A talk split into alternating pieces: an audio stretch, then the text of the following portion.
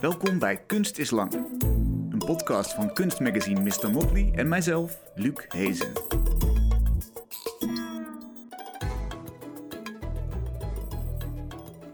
Leuk dat je luistert. Je hoort ons praten vanuit de geluidsstudio Stil in het voormalige Volkskrantgebouw in Amsterdam aan de Wieboudstraat.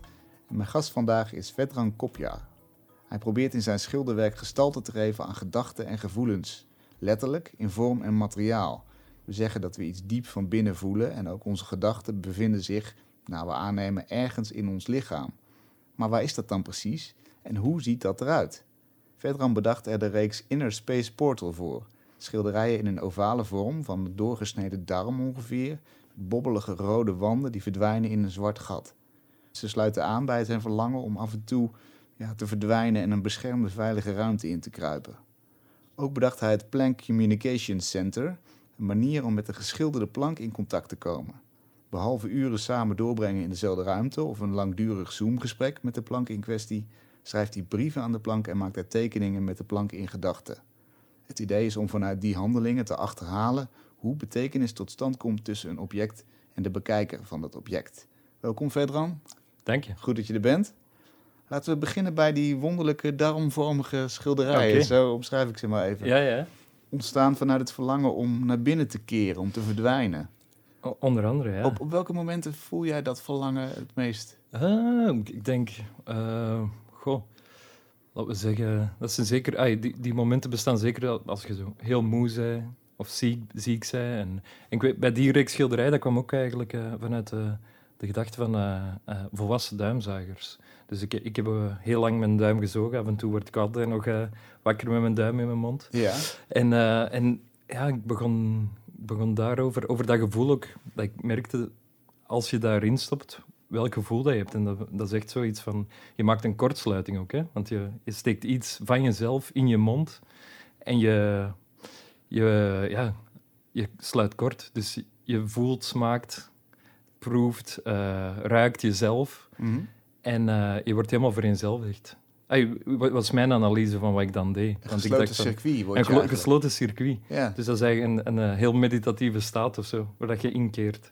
Ehm, en eh, ik denk, ja, de- als we beelden van foetussen zien, en, of, eh, en dan zie je dat ook in, in science fiction of zo, Ghost in a Shell of zo, of eh, een soort van een lichaam dat, ze, dat we, zich moet regenereren of zo, Mhm. zit vaak in, eh, in een vocht, in een vochtige, omsloten, veilige ruimte.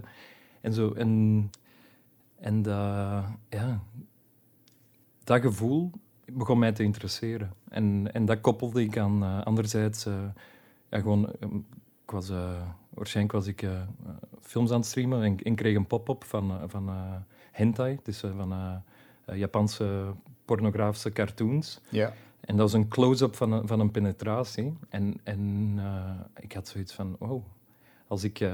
als je, en ah, natuurlijk bij Japanse pornografie zijn, zijn penis ook gepixeld, of toch de eikel. Dus dat werd heel abstract. En ik dacht, die mooie, dat was eigenlijk een heel mooi rood monochroom eh, digitaal werk. Ja. En, en plots kwamen die twee, die, eh, dat gevoelde, die yearning voor, voor, zo, voor eh, een veilige ruimte of de baarmoederruimte. Mhm. kwam plots samen met, met, met de, de vormgeving. Want plots had iemand een binnenruimte vormgegeven. Ja. En dan begon ik gewoon na te denken ook over ja, de vormgeving van binnenruimtes, omdat het eigenlijk iets is dat je niet kunt zien. En, en dat, dat is het mooie altijd als iemand vormgeeft. Je, je kunt, dat is zoals al- als je naar de kapper gaat en je zegt, ik wil mijn haar zo, en je probeert het zo specifiek mogelijk te zeggen tegen een kapper hoe dat je haar wilt. Ga je, de meeste mensen zijn dan zo, oh, deze was echt niet wat ik wou of zo. Dat komt gewoon omdat dat kapsel, hoe specifiek dat je het ook kunt eh, definiëren, Mhm. elke kapper gaat zijn eh, soort van ideaalbeeld erin brengen Mhm. als hij knipt, onbewust. En zo is dat al, altijd met, met vormgeving. Dus begon ik heel veel eh, van, van die hentai op te zoeken en downloaden, echt een databank op te maken, om gewoon te zien naar eh, de verschillende interpretaties en eh, visualisaties van wat het binnenste is van iets. En natuurlijk begon ik dan ook anatomische, dus, en ook gewoon colonoscopieën en echt uit de medicinale wereld de beeldvorming en beeldtechnieken ook te verzamelen, omdat plots was als, als dat binnen was, was interessant. Uh, en dat ging zover ook dat uh, fotografieën van grotten van binnen. En, en uh, ik werd heel geïnteresseerd in kerkschilders. In de 19e eeuw had je heel veel, 18e, 19e eeuw, schilders die de interieuren van kerken en kathedralen schilderden. -hmm. En plots was ik voor het eerst ook echt geïnteresseerd in architectuur daardoor, in die binnenruimtes. Dus dat was begon helemaal... alles wat binnen was? Alles wat binnen was, was plots uitzonderlijk interessant. Yeah. En de vormgeving daarvan. En dat was ook interessant om te zien uh, al die hentai, dat is natuurlijk uh, uh, erotisch en pornografisch. En het verschil in vormgeving. En dan een, laten we zeggen, een anatomische weergave. Dat kleurenpalet kwam dicht bij elkaar. De kleuren waren wat, meestal wat feller bij het erotische. Mm -hmm. Maar wat, wat, vooral opviel was dat je een statisch beeld had en een beeld dat een soort een dynamisch beeld. En ook droog en vochtig. Uh, dus al het wetenschappelijke was altijd precies droogvriest. Lijkt me gevriesdroogd, ja, ja, precies. helemaal. Ja. Uh, en, en natuurlijk erotische, dat was druppels en vocht en, en die zaken. Dus dat, dat was... Uh, ey. En daar ben je, met, die, met die beelden ben ik dan ook gewoon... Heb ik mijn visuele databank. en ja, kwam ik tot het idee om, om, om, om, die, om eigenlijk portalen naar het binnenste te beginnen schilderen. En Mm. daar ook vanuit een, uh, uh, laten we zeggen, om schilderkunst echt te gebruiken, of het west westerse traditionele illusionaire ruimte te gebruiken, Mm -hmm. namelijk het doek. En de illusionaire ruimte die, waarmee je diepte kunt weergeven, om die enkel voor diepte naar een binnen toe. En dan die schilderijen hebben houten kaders die laten we zeggen, organische vormen hebben. Die zijn niet, dat is nooit rechthoekig. Dat, dat is altijd, zoals jij zei, bobbelig of, uh, of uh, druiperig of hoe dan ook. Yeah. Dus de, die hebben organische vormen. En dat is eigenlijk, als we dan in traditionele schilderkunst spreken, is dat de kader. En voor mij was dat ook, de kader is eigenlijk de grens tussen de binnen- en de buitenwereld. Mm -hmm. En dan gebruikte ik, legde ik er een doek in. En dat was dan mijn portaal naar de illusionaire ruimte. Dus schilderkunst was perfect daarvoor. Ja. Omdat, het is voor mij ook niet gemakkelijk om te schilderen. Dus ik was ook een reden aan het vinden om te kunnen schilderen, omdat ik er heel veel zin had. Dat kwam ook samen, dan met En die twee dingen. Wat ik interessant vind is eigenlijk, ik snap heel goed je verlangen om naar binnen te keren, hè, om, om ergens onder een deken te gaan liggen en eventjes beschermd te zijn van de buitenwereld. Maar de voorbeelden die je aanhaalt, bijvoorbeeld die anatomische tekeningen, eigenlijk is naar binnen gaan altijd foute boel. Als je, als je naar binnen moet bij een dokter, dan, dan is er iets aan de hand. En, en ook in nou ja, die pornografie, zeg maar, die, die, is, die is een beetje in een obscuur hoekje van het internet, zou je kunnen zeggen. Dat is... Ja, zeker. Eigenlijk, DeviantArt was mijn favoriete website uh, heel lang. Dat is zo een, Leg even uit. Uh, een, uh, een, DeviantArt is een, is een website die al heel lang bestaat. Ik ken die nog toen ik jong was en, en heel geïnteresseerd was in de donkerdere krochten Ja. van, van het internet. Maar, maar ah, DeviantArt is helemaal geen donkere krocht. Dat is, er zitten wel donkere krochten in, maar het is eigenlijk een, een website waar dat fanart, digitale fanart, dus meestal zijn dat characters uit anime's of, of, uh, of series of, die dan uh, fans zelf ook verhalen meemaken of in bepaalde situaties. Ah, ja. En, ja, voor, en, en daar heb ik heel veel van mijn onderzoek ook gedaan, om, om ook juist... Ik moest de juiste termen hebben om, om die beelden op te zoeken. Dat was ook moeilijk hoe kom ik dus inner, inside? Ja, hoe, hoe, hoe raak ik tot aan die beelden als ik dat google of opzoek en dingen? En dan kwam ik op de termen voor, vorarophilia. En dat is het seksueel verlangen van uh, opgegeten te worden. Oh. Hoe, hoe, hoe speel je dat? Vorarophilia. Okay. En de korte uh, internetterm is voor. Dus, uh, en dat was dan, ja, dan gingen er werelden voor mij open. Uh, allee, letterlijk en figuurlijk. en, en, en, dan beland je in een soort van, van darmachtige. Ja, dan, dan, dan zie je heel hal. veel, ja, heel veel laten we zeggen. Sommige beelden zijn, zijn uitsnijdingen. Dus dat je, dat je iemand ziet met een heel grote buik en dan is er een, een, een uitsnijding van de buik en dan zie je binnen. Ja. En andere zijn ook gewoon dat je... Uh, wat mijn favorieten ook zijn, zijn degene waar je gewoon in een maag zit, bijvoorbeeld. En dan heb je lethal voor aerophilia en non-lethal voor aerophilia. Dus het is echt een heel specifieke niche die voor dit project uh, heel, heel, uh, heel, belangrijk was voor mij. Mhm. Uh, en lethal is waar dat, dan zo'n karakter aan het sterven is van tarmzuur, allee, verteerd wordt. Ah. En non-lethal, dat zijn eigenlijk zo... Ja, heb je characters die, die gewoon zo zitten... Mm, fantastisch. Oh, ze zitten rond te zwemmen en te genieten. eh, omdat ze binnen zitten.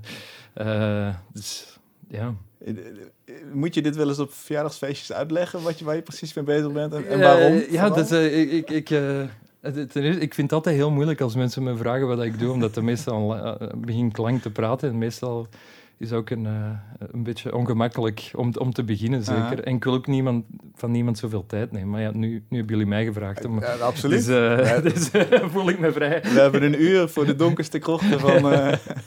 eh, Eh, ja, maar uiteindelijk, ik weet niet, ik, ik kan dat altijd wel, eh, ik denk, verklaren op een manier dat dat, dat, dat niet... eh tuurlijk, als er ooit, eh, eh, ja, als er iemand ooit mijn databank aan beelden gaan, eh, zonder context zie, gaat er, gaan er wel vragen komen. eh, Ja. Want die is niet, niet prettig. Maar Eh, die, die binnenzijde, is dat iets wat je eh, belangrijk vindt om, om naar buiten te halen? Want inderdaad, die beelden die zien we niet vaak. nee. Ze zijn een beetje weggestopt. Eh, zit, zit, zit daar je fascinatie ook voor, om die de wereld in te krijgen? Eh, op een manier eigenlijk iets eerder dan dat zelfs. Ik denk ervoor, ik heb altijd al een, wat terugkomt in mijn werk, is een, fascinatie naar het vormgeven van onzichtbare dingen. Dus eh, ehm, ik denk, ik heb ook nu heel, eh, sinds dat project heb ik ook heel veel interesse in, in, in science fiction, vooral in, in, in special effects. Omdat dat visualisaties zijn van dingen dat, dat niet zichtbaar zijn. Of, of hoe, hoe het einde van de wereld wordt dan gevisualiseerd. Maar dat is iets dat wij eigenlijk niet kunnen bedenken. Dus dat is een, eigenlijk een metaforische weergave van het einde van de wereld door een special effects artist. En die dingen is eigenlijk het vormgeven en visualiseren van, van wat niet zichtbaar is of, of, eh, of misschien niet eh, fysiek is, dat is iets dat mij altijd interesseerde. En eigenlijk die fascinatie met dat beeldmateriaal was gewoon eh, noodzakelijk voor mij. Omdat ik over een bepaald iets werk wou maken. En ik had de, de vormentaal er niet voor. En dus moest ik gewoon onderzoek doen. En dan in dat onderzoek raak ik... dat is het leukste aan werk maken voor mij, vind ik. Waar ik met mijn onderzoek allemaal terechtkom. Eh, dus ja, het is eigenlijk, ik had tools nodig, visuele tools. Ja. Is dat ook wat jou betreft wat kunst moet doen? Dingen zichtbaar maken die eigenlijk niet zichtbaar te maken zijn? Ja, Voor mij moet kunst ni- niks doen. eigenlijk. Ik wil zeker niet zeggen wat andere mensen moeten doen. Ik kan enkel vanuit mezelf ja, spreken. Ja, voor, dat- voor wat- jezelf. Ja, Voor, ja. En, en voor mezelf. En eh, ja, dat is iets dat, dat, dat mij interesseert. Ehm, misschien dat iemand anders ook interesseert, dan is dat goed. Allee, of we kunnen het erover hebben. Maar ja, ik denk... Het is- ook niet zichtbaar, maar ik wou, met die schilderij wou ik echt gewoon een ervaring dat ik soms heb en dat ik een, interessante ervaring heb, om die eigenlijk, eh, die ervaring met een object in de wereld te kunnen doen opwekken bij andere mensen. Mm. En sommige mensen hebben dat ook met, met die werken. En andere mensen vinden die gewoon eh, weerzinwekkend. Eh, dat zijn zo twee reacties. Sommigen kunnen er echt wel ja, zo van genieten en, en echt eh, in, zich een beetje erin verliezen. En anderen vinden dat echt gewoon we- weerzinwekkend. Ja. Wat ook oké is. Want ik, ik vind die dingen heel, nooit weerzinwekkend. Dus ik ben altijd eigenlijk... eh, eh, soms denken mensen dat ik opzettelijk iets lelijk of iets vies ben aan het schilderen, maar eigenlijk, ik, ik vind dat mooie dingen. Je zei al, eh, de abstractheden die zijn aanleiding om, om een werk over te maken. En dan heb ik me ook laten vertellen dat je ook wel eens gewoon in een gesprek een beetje geluidjes maakt. Die abstracte ja. geluidjes, niet per se bestaande taal uitslaat. ja. Zit dat in het verlengde daarvan? Dat zit, dat, ja, ja, dat is er, er, ergens zeker, zeker wel. Ik denk, eh, ehm, ja, ik heb ergens een reflex om heel vaak dingen te, te benoemen eh, in mijn werk. Ik had ook een reeks werken dat didactische schoolplaten zijn. Mhm. Dat is een oude reeks werken, dat, gebaseerd op zo ja, oude, ouderwetse ana- anatomische schoolplaten, laten we zeggen. Van daaruit eh, dan komen we terug ook op die eh, eh, eh, visualiseren van dingen die niet zichtbaar zijn. Dus laten we zeggen een nier of een lever op zo'n anatomisch beeld. Als je er het woord nier of lever weglaat, wordt dat gewoon een biomorfe vorm en wordt dat een Jean Arp of een, of een, eh, hè, een biomorfe abstractie. En dan was ik aan het denken, ah, oké, als ik dus lever wegdoe, dan is dat gewoon een biomorfe abstractie. En ik zeg nu, eh, dit is de glimlach van Luc Hezen. Dan is dat dat plots. Dus dat, dat benoemen werd plots heel interessant. En dan heb ik een reeks gemaakt met, met, met, met werken die emoties benoemden. Eh, op dezelfde manier en met dezelfde vormgeving als zo'n eh, eh, didactische platen, zo'n schoolplaten. Uh, waardoor dat die ook een soort van validiteit krijgen, maar die er niet per se is. Ja. Of toch niet wetenschappelijk verankerd is. Ja, waarmee je eigenlijk de rest ook een beetje onderuit haalt of in een ander licht zet. Althans, een beetje laat wankelen misschien. Niet per se wankelen, is ook een, een, eh, een andere manier van eh, naar dingen te zien. Hmm. Dus eh, eh, ik bedoel, alles wankelt. Dus, ik, Ja, ik- ik- moet, ja. er is geen behoefte om, om, dat, om, om echt dingen te doen laten, want voor mij is alles eigenlijk altijd aan het wankelen. Ja. En dan, maar alleen dat al is natuurlijk een, een realisatie die sneller tot je komt als je, als je op die manier een vergelijking trekt. dat kan, ja. Dus Ja. dat, zo, zo zou het kunnen werken. Ja. Een van die werken uit die Inner Space Portal is een, eh, nou, zoals wat ik al zei, een grillige ovale vorm. Ook weer zoals de doorsnee van een darm in mijn woorden. Dan donkerbruin gekleurd. En dan een soort roestkleurige draad. En weer iets dieper gelegen een gele en oranje massa. En dat heet You Could Have Left All That Racial and Political Stuff Out. Ja, Ook, ook iets van, van benoemen met een, met een abstracte eh, beeld. Hè? Gaat het hier om de weergave van een gedachte? Ah, wel. Ik, ga- ik ga je zeggen waar, waar dat die titels vandaan De bijtitels van de ISP's, de Inner Space Portals. Al die bijtitels komen uit de eh comment-sectie van beelden die ik heb eh gedownload voor mijn databank. Dus soms eh, ga ik dan op zoek naar de comments. En, en dit was... ehm, ik, denk, ik, ik herinner me volgens mij nog een beeld. Dus ik was aan het opzoeken naar zo Giantess. Dat is nog iets. Als ik dingen niet bij voor vind of zo. Giantess is ook iets dat ik opzoek. Omdat dat, dan zijn dat reuzenvrouwen. En dan... Dat is niet altijd, maar eh, vaak is dat vertrappelen van eh, mensen. Of mannen vaak. Maar soms is dat ook opeten van mannen. En dan heb ik ook terug de beelden die ik nodig heb. Oh ja. Eh, omdat die zo groot zijn. Dus bij een Giantess beeld, iemand had een soort van Pokémon-kaartachtig ding van een Giantess, maar van een zwarte vrouw gemaakt. En ik denk, ik denk dat er zo wat eh, stereotypen in stonden. En dat was dan de comment die erbij stond. Hmm.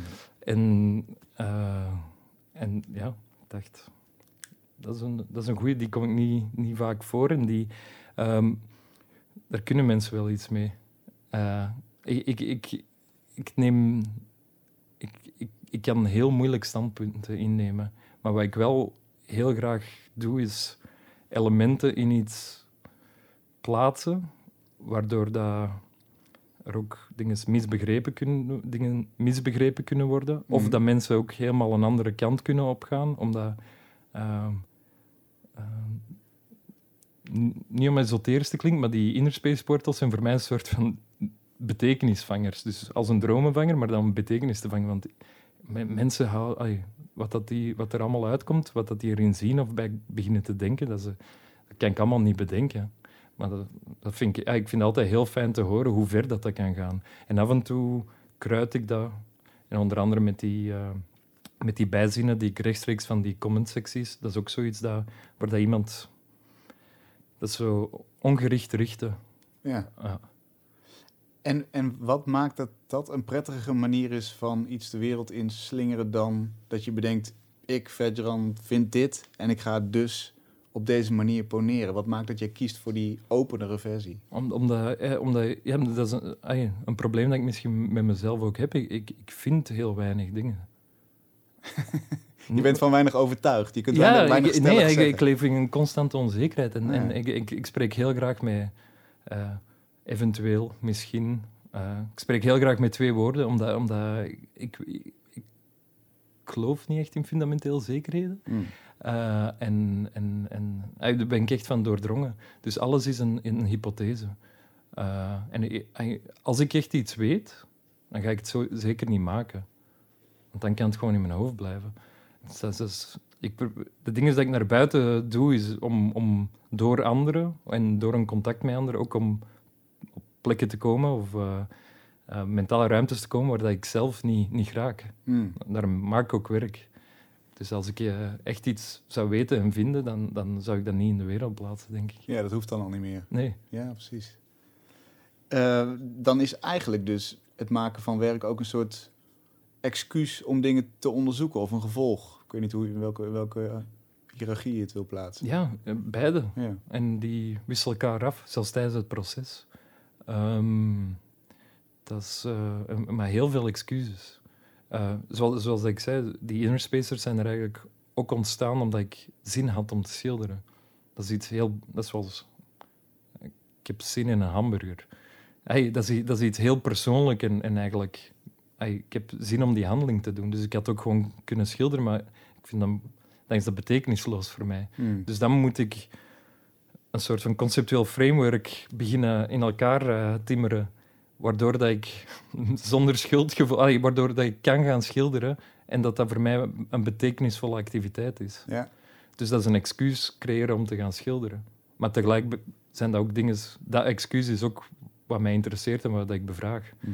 En die twee, soms heb ik zin om iets eh, te bevragen en moet ik naar het medium gaan zoeken. En soms heb ik zin in een medium en moet ik eh, zoeken naar dingen om te bevragen. Of zijn, moet ik teruggaan in mijn, in mijn geheugen om dingen dat mij interesseerden en dat ik daar met dat medium kan bevragen, bijvoorbeeld. Ja. En als wij samen Netflix zitten te kijken en, jij begint fantasiewoordjes te, te sputteren, zeg maar, dan, dan, dan is dat ook een manier om op een plek te komen, een mentale ruimte die je nog niet kent en ja, waar misschien iets gebeurt wat buiten het dagelijks leven valt. Ja, ik denk, en, en, en gewoon ja, een soort van eh, non- non-betekenis. Eh,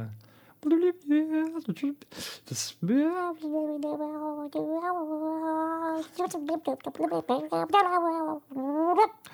ik weet niet wat dat betekent, maar ik vond het wel leuk om even te doen. En, Mhm. en, eh, en het vult de ruimte ook.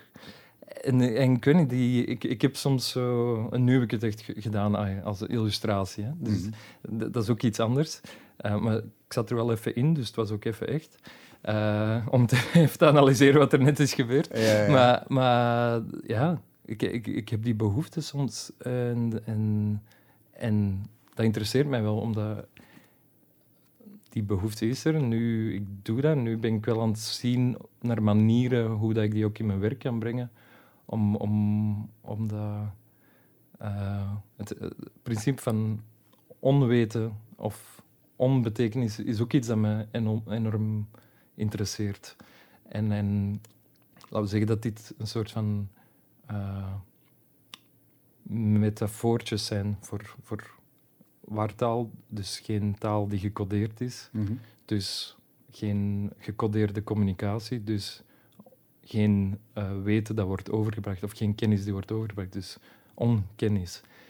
En in die zin is dat net zoals eh, de beeldentaal van, van die eh hentai of zo, iets waar ik misschien aan, mee aan de slag kan. Ik heb dat ook, ook wel eens gedaan. Ik heb met, die inner space eh, portals. Ik had ooit een, een, een, een paviljoentje gemaakt, die van buiten zo een modernistisch paviljoen leek. Eh, dat heette Casa Minderheid 3. eh, was de titel van de werk. Mhm. En voor eh, de artist talk of de Q&A was ik in mijn paviljoen, dat van binnen helemaal zo organisch, niet, zoals die schilderij, maar dan fysiek, Mhm. was ik daarin gegaan en had ik gewoon een, een microfoon en het, het publiek, zat, het publiek zat in de zaal, beneden, in een andere ruimte. En die zagen mij niet. En dan konden die een Q&A met mijn innerstem doen. En, eh, en dan de enigste belofte dat ik deed, is dat ik met mijn innerstem zo goed mogelijk probeerde mijn gedachten rechtstreeks te vertalen. Dus ik heb zo'n stemmetje al wel eens gebruikt in mijn werk. Dus mijn, mijn inner voice eh, is deze.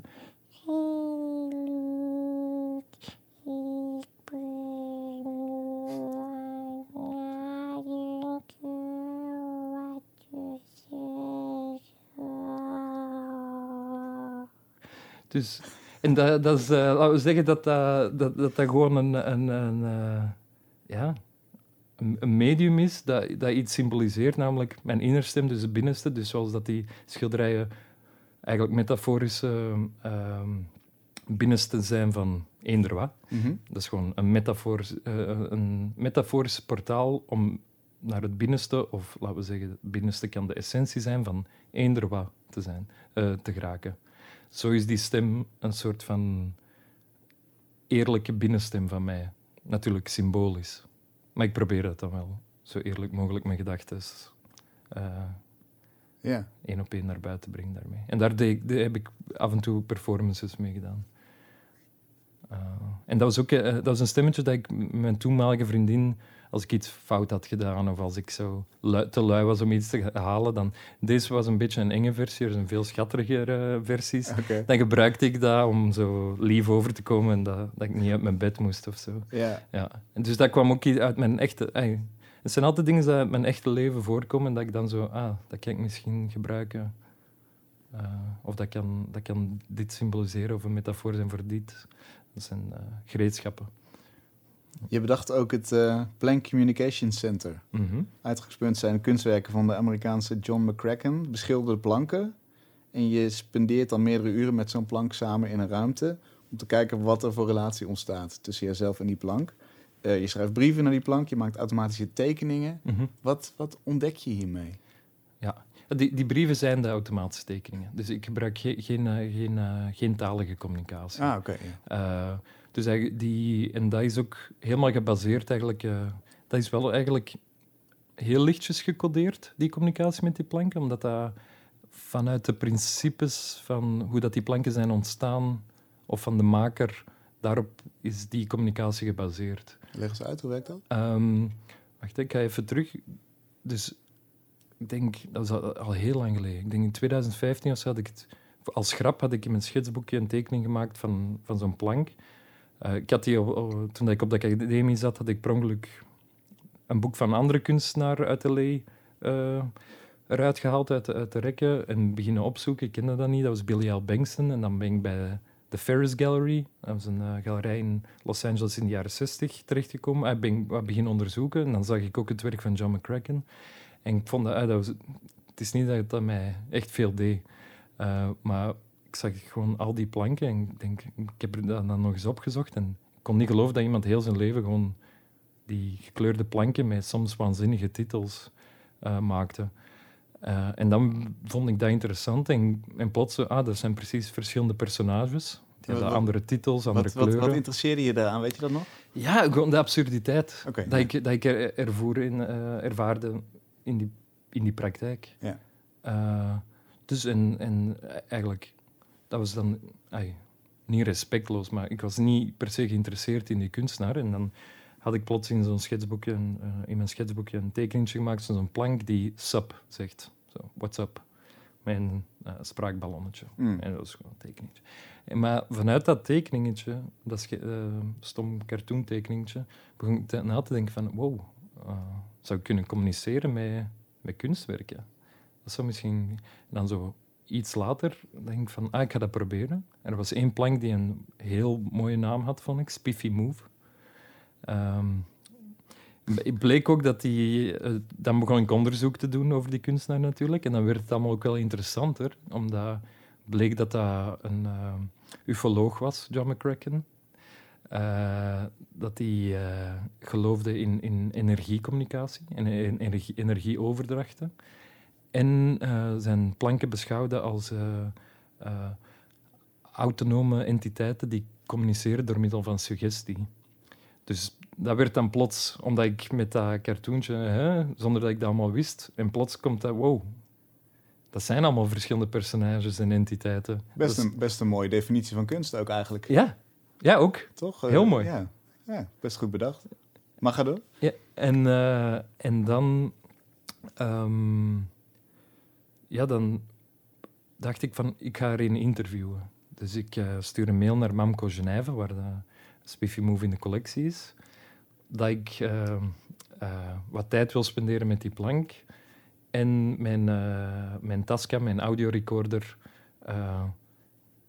mijn vragen opnemen en zien. En dan dacht ik gewoon, ja, er gaan gewoon stiltes zijn. En dan heb ik dat. En ik weet niet of dat dan werk is, maar ik wil dat gaan doen. Hmm. En die stond er niet echt voor open.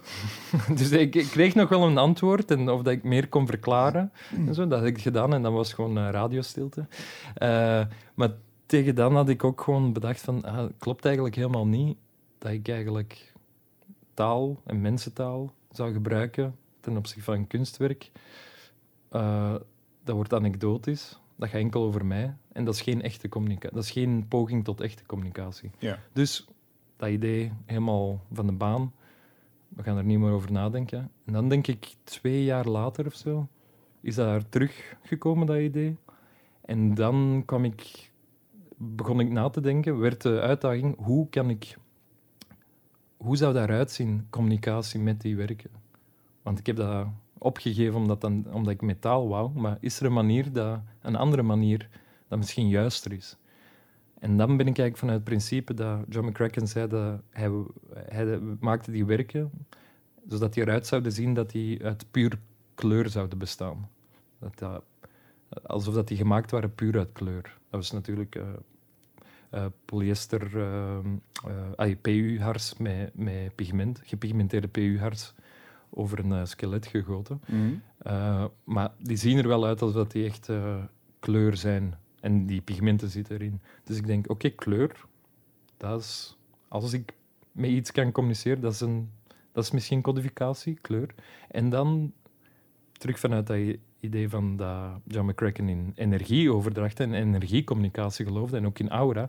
Bijvoorbeeld de, de groottes van die planken heeft hij gemaakt. Die planken zijn 2,5 meter tot 3 meter vaak lang. Uh, en voor hem was dat de lengte van een, een mens plus zijn aura. Um, dus uh, hij, hij, wou gewoon dat die een, een soort van, ook een soort van fysieke, fysieke aura hadden. Ja. En hij, die lengte noemde hij de lengte van een mens plus zijn aura. Um, en dus vanuit dat, dat hij, hij, geloofde in de energiecommunicatie, dacht ik van oké, okay, dan uh, gewoon, ik denk aan die plank en ik begin te doodelen. En dan had ik besloten van oké, okay, ik, ik hou carbonkopies bij. Dus ik had dan... Uh, briefpapier gemaakt met Plan Communication Center bovenop. Hè, mijn eigen briefpapier met uh, rechtstreeks al een carbonkopie altijd. Uh, en dan had ik plots ook een, een, een archief. Uh, omdat ja, carbonkopie, hoe harder ik drukte, dan gaat, de kleuren worden, werden niet weergegeven, maar, weergegeven, maar wel de, de energie. Dus ik kreeg een weergave van hoeveel energie ik op welke plek van papier had ge, ge, geplaatst. Ja. En dan klopte dat voor mij wel als een communicatievorm. Omdat ik uh, vanuit de premisse van, van John McCracken en van hoe dat die werken zijn ontstaan, mm -hmm. daarmee dus kleurpotlood als pigment op papier, dus kleur, en dan gewoon een, uh, een energie. En die verstuurde ik. En, en het was niet dat die moeten aankomen. Het was, dat versturen is al het versturen van de energie. Mm. Dus als ik uh, het adres erop zet en dat op de post doe, is dat gewoon voor mij een soort van uh, richten. In dezelfde zin dat, dat uh, als een pistool wordt afgeschoten, het is niet, niet de kogel die de schade toebrengt, maar het, het is de kracht. Mm. Dus het is niet het metaal. Het metaal brengt wel de schade toe, maar, maar de schade wordt gedaan door, door de energie die, uh, die wordt overgedragen op, op uh, een organisch materiaal. Ja, zoals de plank natuurlijk ook tegen de muur leunt en staat te stralen. Ja, en dus als ik dat stuur, laten we zeggen, dan, dan heb ik die energie verstuurd en ik heb dat gewoon gericht naar ja. daar. Ja. Uh, meeste van die, origine dus de originele verstuur ik, uh, geadresseerd naar de plank. Die, uh, ik denk dat die heel vaak in de vuilbak belanden. Want ik, ik stuur nooit een uitleg bij van wat dit is, Oh ja. wat het project inhoudt. Dus ik stuur naar collecties, musea of... nu, het smak wist ervan, omdat mijn eerste ontmoeting was ook in functie van een performancefestival. Met, in Gent, hè? In Gent, ja. museum in ja, Gent. museum in Gent. Dus uh, in functie van een performancefestival in het museum. En dan had ik gewoon vier uur gespendeerd in, uh, in uh, het depot van het museum met, met de plank. Dus dat was ook niet zichtbaar voor toeschouwers, dat was gewoon aangekondigd. Mm -hmm. En ik heb dan gewoon... dat was mijn eerste echt bezoek in functie van, van dit project. Nou, nou klinkt het als een grappig idee. Ja. Gaat, het, gaat het verder dan dat? Want gaat het echt over een object-toeschouwer relatie en, en, en een ja, op gelijkwaardige manier communiceren? eh, pro- proberen toch, ja. Ja, maar maar de- de- het absurde ervan is ook even belangrijk. ja. Dus het, eh, al die dingen... Ergens is het ook een kunsthistorisch onderzoek, ergens is het gewoon slapstick, en ergens is het ook gewoon een, een, eh, een, een, filosofische bevraging ook. En, en ik merkte ook dat, dat voor mij, ja, de eerste keer was ik super zenuwachtig. Want nu ben ik hier met die plank, Mhm. nu moet het gebeuren. En, en dan moest ik echt wel mijn plek vinden. Hoe mij er ten opzichte van te verhouden. Want je begint gewoon met kijken. Maar dingen blinken enorm, dus ik zit gewoon naar mezelf te zien aan tijd. Dus eh, dat, dat wordt ook... En eh, uiteindelijk werd, werd dat heel meditatief in de zin van dat ik de hele tijd bewust gedachten moest eh, weghouden uit mijn hoofd Mhm. om tot een punt te komen dat ik enkel de ervaring had dat ik er was en die plank er was. Wat niet eenvoudig. Dat lukt ook niet altijd. Maar dat is wel het punt dat bij een ontmoeting waarbij dat ik probeer te komen. Alsof dat ik aan het rijden ben. Ik heb geen rijbewijs, maar als ik een rijbewijs had, dat ik aan het rijden ben en de plank zit op de achterbank en ik ben de plank helemaal vergeten. Maar ik voel wel een aanwezigheid. Of zo. Zo- Zoals dat als je met iemand naar ergens toe rijdt, je zegt niks. Maar je voelt elkaars aanwezigheid de hele tijd. ja. Eh, tot zo'n punt probeer ik altijd met een ontmoeting te komen. Heeft dit jouw ideeën over de waarde van kunst veranderd? De relatie die je met een kunstwerk hebt? Ja, ja of, of eh, ook, ook versterkt. En ook eh, van wat een museum is ook. Ehm, Vertel eens in, in ieder geval eerst de relatie tussen jou en een kunstwerk. Is mijn, ik, ik heb gemerkt dat dat gewoon heel veel... Dat dingen is ook gewoon... Je kunt dingen kunnen betekenisvoller worden als je er gewoon meer aandacht aan geeft. Dat is zo, zo simpel is het. Hm. Eh, en je kunt dat bijna... Voor dat, je iets helemaal niet leuk vindt. En je dwingt je ertoe er heel veel aandacht aan te geven. Ga je dingen beginnen ontdekken. En, en kan dat iets worden. Dus ik denk... is, maar dat is bijna relativerend, hè, En wat wa- ik nu en zeg. En waar zit dan de ontwikkeling? Zit de ontwikkeling bij jouzelf? Bij jezelf. Ja, precies. Dus het is niet zo dat het kunstwerk iets anders uitstraalt. Dat blijft gewoon zijn boodschap afgeven. Of, of is er toch een dialoog? Ik Maar geeft een, een kunstwerk een boodschap af? Nou ja, als je, als je de eh McCracken-versie hanteert wel... Hè, dan heeft hij een energie die, die de, de wereld ingaat. Ah, dat geloofde McCracken toen hij die Ja. dingen smaakte. Ja. Maar ik weet niet, nog altijd niet echt wat een object. Ik geloof zeker wel in, dat een object iets, iets afgeeft, maar ehm, het is ook, is, is het die brieven? Ik vroeg mij ook af, is dit communicatie? Hm. En ik merkte, ja, dat, dat is een communicatie die ik met mezelf heb, dat reflecteert via die plank. Dus, maar die plank is wel aan het veranderen, mijn volgende brief aan het veranderen. Ik had ook gemerkt, de eerste brief, dat is bijna schattig, gebruikte ik enkel de kleur van de plank zelf, als een soort van, laten we het zo gemakkelijk mogelijk houden. Hm. Eh, oh, ik ga proberen uw taal te spreken. En daarna werd dat veel vrijer. Qua kleuren en qua meerdere kleuren en al. Ehm, maar de, ik merkte wel dat mijn tekeningen ve- veranderden. En, en dat was eh, voor mij is ook, eh, dat was een beetje zoals in mijn dagboek schrijven. Ik, dat zorgde ook dat ik ontspannender was. Ook al stond er niks. Dus, maar dat was vooral met mezelf. Zou je dan kunnen zeggen dat kunst een manier is om met jezelf te praten via een ander object? Ja, maar ook met elkaar. Want wij zijn nu daar, door dat kunstwerk met elkaar aan het praten. Ja. En er zijn misschien ook mensen aan het luisteren en dan... Dat is ook ergens een gesprek.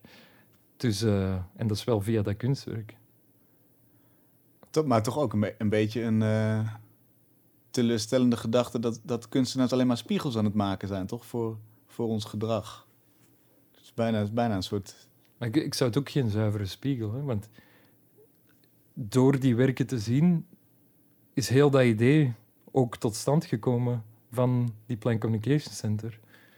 Dat had ik nooit gehad als ik niet al die verschillende gekleurde dingen... Dus het is niet dat dat enkel... Ik weet niet of dat... dat de bedoel, ai, het idee van dat het allemaal verschillende personages zijn, is wel tot mij doorgedrongen, onbewust, omdat ik er niks van wist. Dus dat is wel een realiteit. Ja, dus het reflecteert niet alleen, maar het inspireert ook. Het maakt ook dingen los. Ja, maar ik bedoel, als, als iets... De dat, is geen, dat zijn geen spiegels, hè. je krijgt een reflectie. Ja, geluid, geluid is de hele tijd aan het reflecteren en komt tot, tot u nu. Maar dat zijn dat, dingen botsen en dat komt terug. Maar dat is geen zuivere... Een spiegel is het foute woord. Ja. Het het zijn re- reflecties, maar geen, geen spiegelingen. Eh, ai, als je er naar staart, dan spiegelt hij echt wel, omdat hij zo glad is, gepolijst. Dus Ja. dan kun je er echt wel in zien. Maar dat, daar hadden we het niet over. Dat is maar één Ja.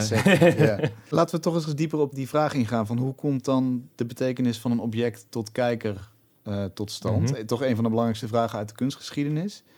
Welke elementen spelen daar een rol in? Mm, inderdaad, zoals... ehm, de eerste keer dat ik het deed, was dat in een depot. Dus ik was er alleen mee. In een, eh, die werd eh, in een ja, soort van magazijnachtige ruimte. Eh, en, en het is heel moeilijk om, om, erover te spreken, over dat kunstwerk zelf. Omdat dat... Ik had natuurlijk de spanning van mijn eigen project. De spanning van, van dat ik iets ben aan het doen voor mijn eigen kunstwerk. Dus, en ik ben naar dat kunstwerk aan het kijken, maar er is al zoveel van mijn eigen context in de context van die ruimte, dat ik dat, dat, dat werk super, waarde, super veel waarde voor mij had. Mm. Omdat, dat- omdat ik dat nodig had. En omdat dat voor mij een doel was geworden en zo belangrijk. En omdat ik er zoveel aandacht aan spendeerde. Ehm, maar ik heb die nu in verschillende contexten gezien. Eh, soms op een veiling. Maar door die ervaring is dat altijd... Elke keer als ik er een zie, heeft dat terug zo... Ja, is dat... iets dat ik verzamel, of zo. Mm. En ik zie er terug in. En ik ontdek er een. En dat... Datzelfde gevoel, onafhankelijk van de context. Ik heb er één... Dit, is- dat was ongelooflijk.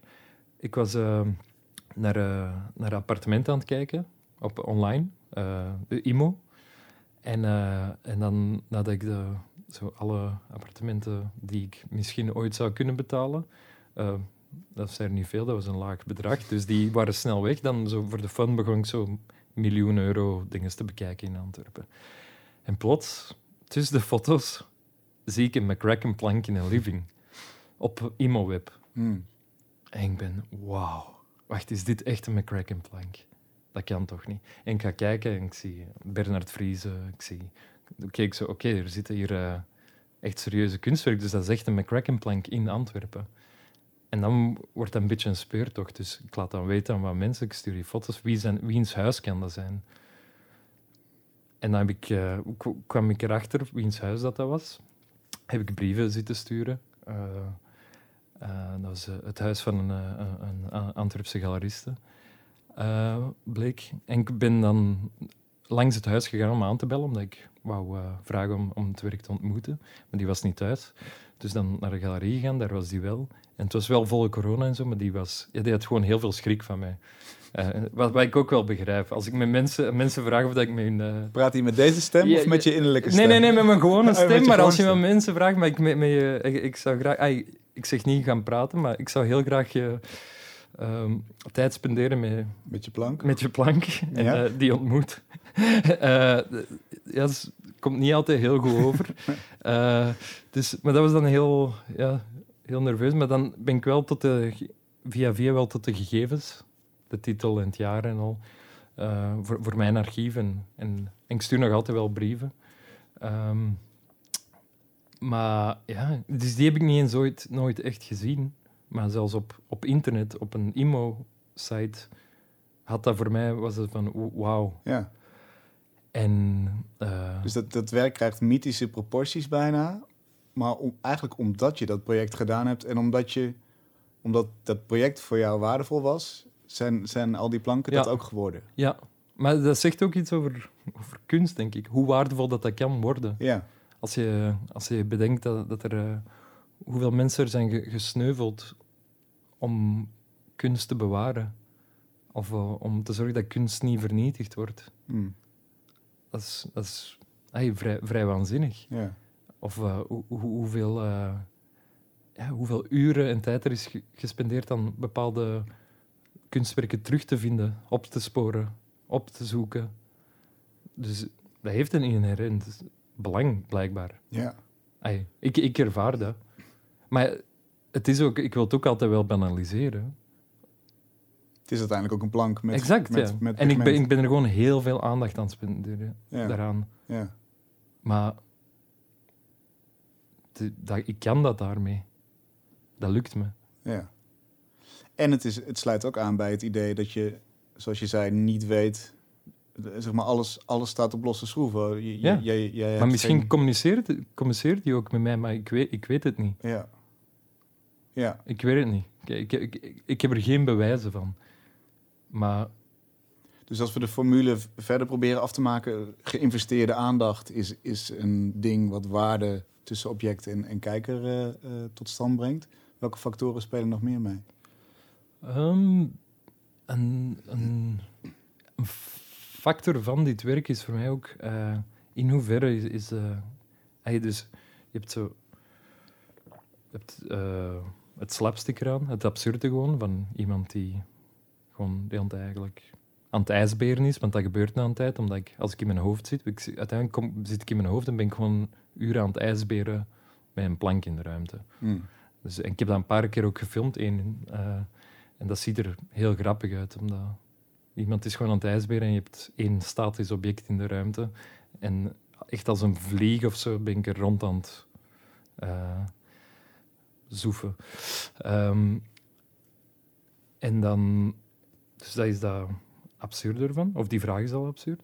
Dan heb je inderdaad dat filosofische, die relatie. Maar een belangrijk aspect voor mij was ook gewoon het onderzoeken van, van het kunstenveld. Hoe makkelijk raak ik bij een kunstwerk als ik dat wil zien? Dat is ook onbewust erbij gekomen. Hè? Dus ik, dat werk gaat niet specifiek echt over dit, dit en dit, maar dat is een, nu is dat een soort van context waar dat ik van alles mee kan onderzoeken. En een van die dingen was, ik wil zo'n plank zien, die is niet zichtbaar. Dan begin ik te mailen. Ik probeer altijd vanuit mezelf. Als, dat, als ik daar bij een muur aankom, dan ga ik via contacten en andere contacten en altijd een stapje hoger totdat ik er kan geraken. Ehm, En wat zegt dat jou over het kunstenveld, dit specifieke zoektocht? het is vrij... Ja. Ja, ik denk... En ergens is dat begrijpelijk, qua tijd en, en waarde of zo. Dat, stel voor dat jij gewoon zegt... En hebt, of nee, iemand die niks met kunst te maken heeft. Iemand die... eh, in een, gewoon eender wie. En zegt, ik wil heel graag dat werk zien. En dat is momenteel niet zichtbaar. Dat is in, dat is in, de, eh, in het depot. Hm? Maar ik zou dat heel graag willen zien. Dat wordt onmogelijk of bijna moeilijk totdat dat nog eens zichtbaar wordt. Of op een open deurdag. Hm. Dat is ergens logisch, want je kunt niet voor iedereen die een werk eh, wil zien. Wel dat ik nu zeg van ideeën van openbare depots, wat wel interessant is voor kunstwerken in musea.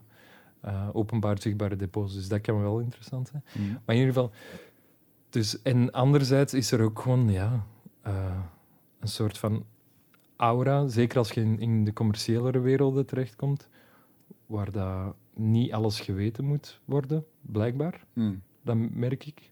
Met musea en al is dat vrij gemakkelijk. Als je gewoon vanuit een kunstproject en dan als, als, je, als het niet vanuit jezelf gaat, dan via eh, andere musea.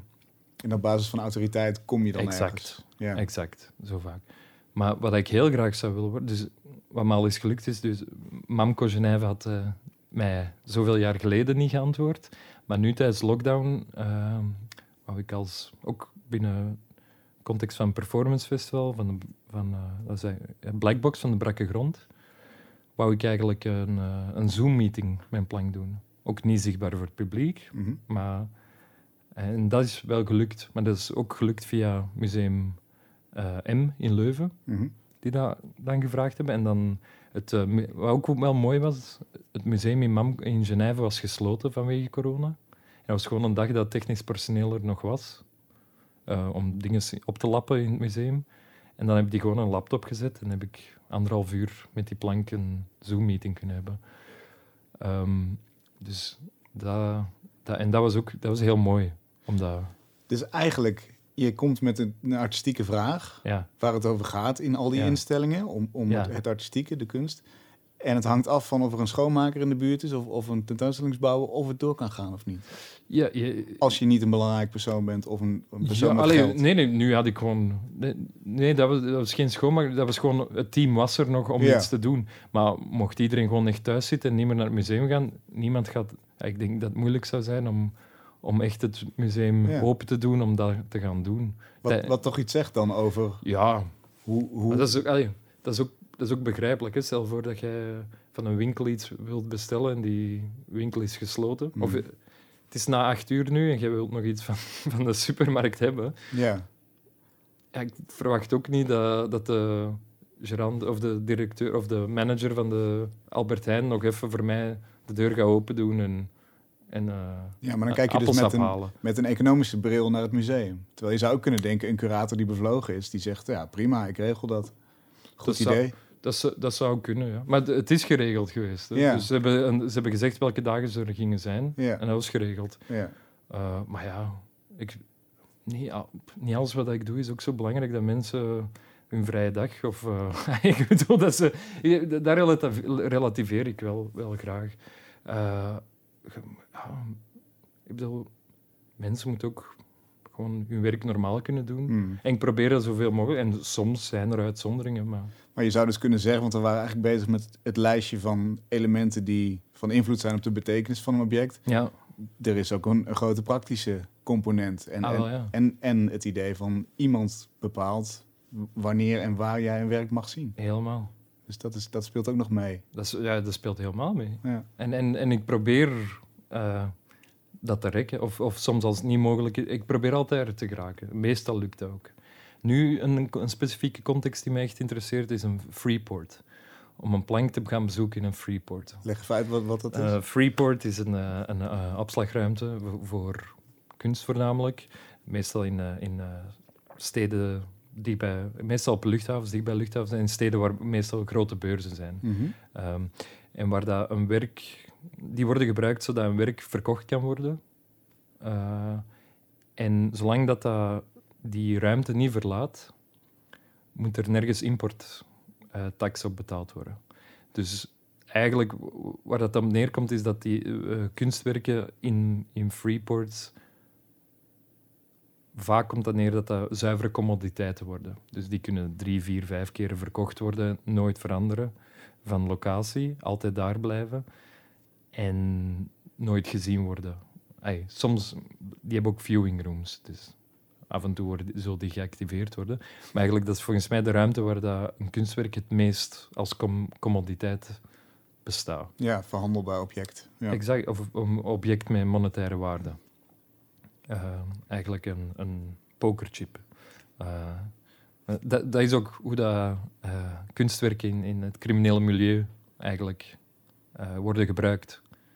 Dus ik denk, eh, de regel is zo, een gestolen schilderij is 10% van zijn waarde, eh, eh, 10% van zijn waarde waard als een soort van betaalmiddel en een pokerchip in het crimineel milieu ja. met zo gesto- gestolen kunstwerken. En als, als borg tegenover een, een overheid die je oppakt. En Ook bijvoorbeeld, ja. ja. als je dan een Van Gogh kun- kunt verbranden of niet verbranden, Ja. dan heeft dat wel enige invloed. Ja, maar dus onderling tussen criminelen hebben die zo 10% de waarde als een soort van pokerchip. Ja. Eh, dus en in die zin, binnen een Freeport... Ah, ik heb dat ergens gelezen in de krant. Dus ik Dus- weet niet, dus- ik dus weet niet hoe inderdaad- zeker zeker dat, dat is, hè, die informatie. Ik heb dat... eh, want jullie hebben een eh, bekende kunstspeurder, hè, geloof Mhm. ik. Ah, Ja. wel. Het is in een artikel over hem eh, had ik het gelezen. Ja. Dus daar komt mijn informatie vandaan. ja. Eh, Dus, dus de waarde van zo'n kunstwerk in die context, dat interesseert je. Nee, maar om in de Freeport. Hè? Maar ik, ik was nu aan het zeggen gewoon dat een Freeport en een crimineel milieu, dat zijn de twee plekken waar dat, eh, grappig genoeg een kunstwerk het meest als eh, zuivere commoditeit, een zuivere eh, eh, financiële waarde te- eh, token Ja. bestaan. ja. Ehm, dus en ja, als ik in een Freeport, in zo'n viewing room, zo'n plank kan zien, dan kan ik gewoon nog even een moment creëren dat dat terug een kunstwerk kan worden. En dat interesseert mij. ja, precies. Die gedaanteverwisseling. terug eigenlijk. die gedaanteverwisseling. En zelfs zoals dat een, een, een ja, gewoon waar ik allemaal terecht kom. Dat, is, dat is voor mij is dat, als we nu teruggaan naar, eh, naar eh, een soort van mijn eigen zin of zo, Mhm. toen dat ik met dit werk. Dus ik heb, we hebben over dit allemaal ge- gesproken, maar een persoonlijke reden om dit werk te doen was, ja, ik, was, ik durfde heel moeilijk uit Antwerpen te gaan, zelfs Brussel.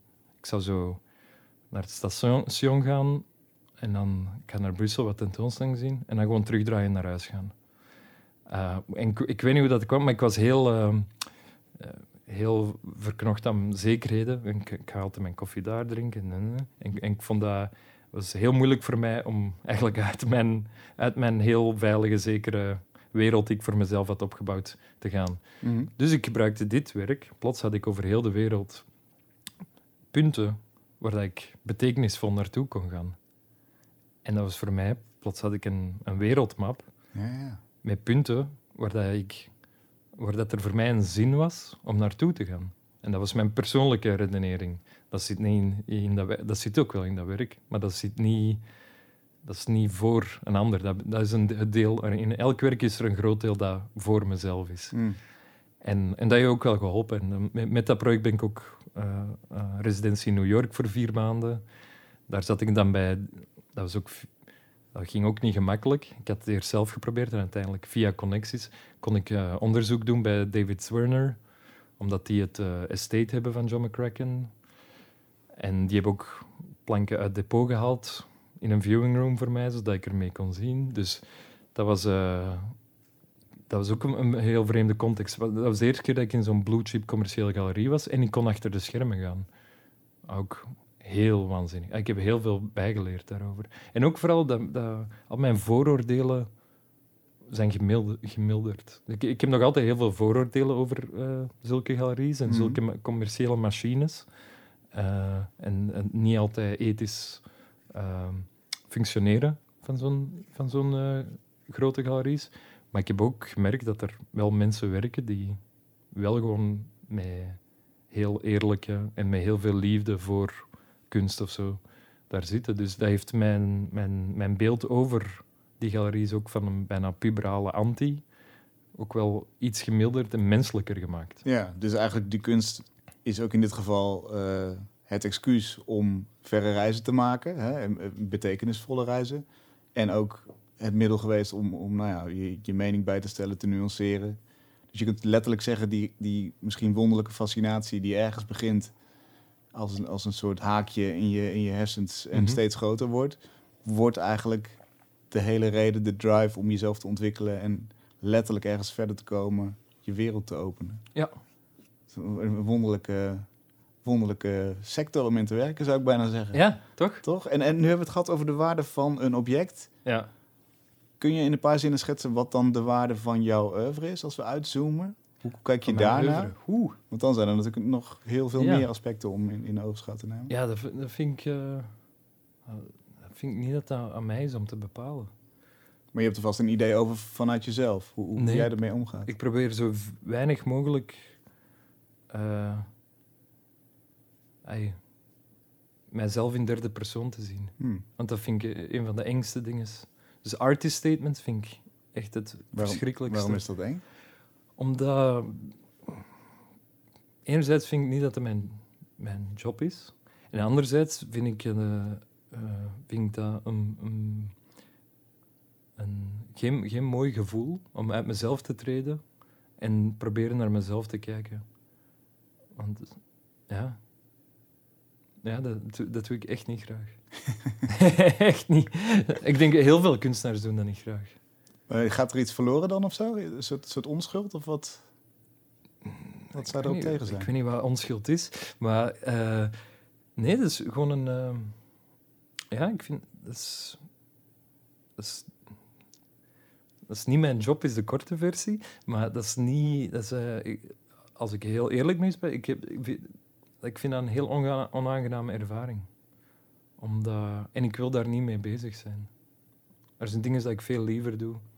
En ik, ik, ik weet ook niet waarom dat ik ermee zou moeten bezig zijn. Nee. Uh, ik, ik, ik, ik, Nou, het zou je... Het zou je dat is secundair en ik, ik handel graag in het primaire. hmm. Ja, je zou kunnen zeggen, af en toe terugkijken en samenvatten is een soort... Dat doe ik zeker. Kan een, kan een motor zijn. En dan Dat- kan beschrijven vanuit een soort van Mm. Helikopterperspectief zou daarbij kunnen helpen. Mm. Ja, ik, reflectie, ja. Ja. Maar ik, ik, eh, ik ga nooit... ai, je- af en toe worden ertoe gedwongen, maar ik probeer dat altijd te minimaliseren. Of ik vraag aan iemand anders dan om een tekst over... Even heel kort dat te zeggen. Dat is voor mij echt, echt hel. Omdat... En ik, maar reflectie is er reflectie, dan treden niet naar buiten. Reflectie zitten in jezelf Mm. en overloopt wat dat er is geweest. Maar ik ga nooit proberen om vanuit derde persoon mijzelf te beschrijven. Of wat ik doe te beschrijven. Daarom, als er iemand mij vraagt wat ik doe, is dat voor mij altijd... nog altijd. Je, zou denken dat eens dat je zo de 20 of 19 zijn gepasseerd, dat je hebt geleerd hoe ermee om te gaan. Maar voor mij is dat nog altijd... oef, altijd een zuchtje. Omdat... Ja, ja, dat is iets heel moeilijk. Ik vind dat ook een heel... heel eh, ja? Ik weet niet waarom. Ja, dat is echt iets vies aan voor mij. Ja, Dat uit mezelf treden. blijf lekker in jezelf zitten. Graag. En, en blijf ons verrassen met, eh, met mooie projecten. Dankjewel. Graag gedaan. Tot zover Kunst is Lang voor deze week. Dank eh, voor jullie donaties aan Kunst is Lang. Daardoor eh, blijven wij bestaan. Dank ook aan het Amsterdams Fonds voor de Kunst en het Jaap Harten Fonds voor hun bijdrage. We zijn er volgende week weer. Tot dan.